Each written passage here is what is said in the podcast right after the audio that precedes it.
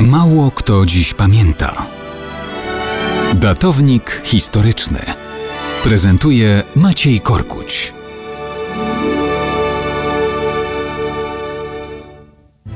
Pewnie trochę osób dziś pamięta, że 85 lat temu, 12 maja 1935 roku, zmarł Józef Piłsudski. Przez najbliższych zawsze nazywany Ziukiem.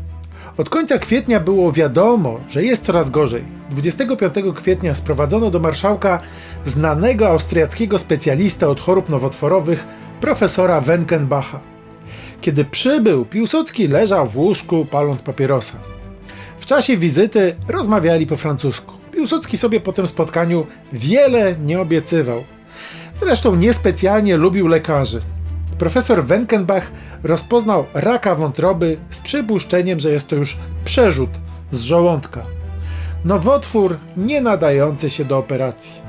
Przepisał zastrzyki, były dość bolesne. Piłsudski znosząc je mruczał do adiutanta.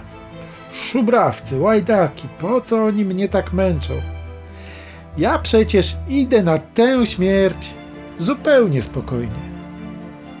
Do końca starał się pilnować polityki zagranicznej. Irytowały go umizgi Francuzów wobec Sowietów.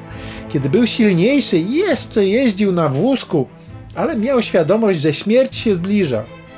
Mówił, że czeka na tamtym świecie na niego i matka, i brat Bronisław, i tylu żołnierzy. Kiedy słabł i miał kłopot z utrzymaniem łyżki, mówił: Widzicie sami, nie ma ziuka. 12 maja 1935 po kolejnym krwotoku wezwano księdza z ostatnim namaszczeniem. O 20.45 Piłsudski zmarł w otoczeniu najbliższych. Oni też wiedzieli, że Ziuk na śmierć szedł zupełnie spokojnie.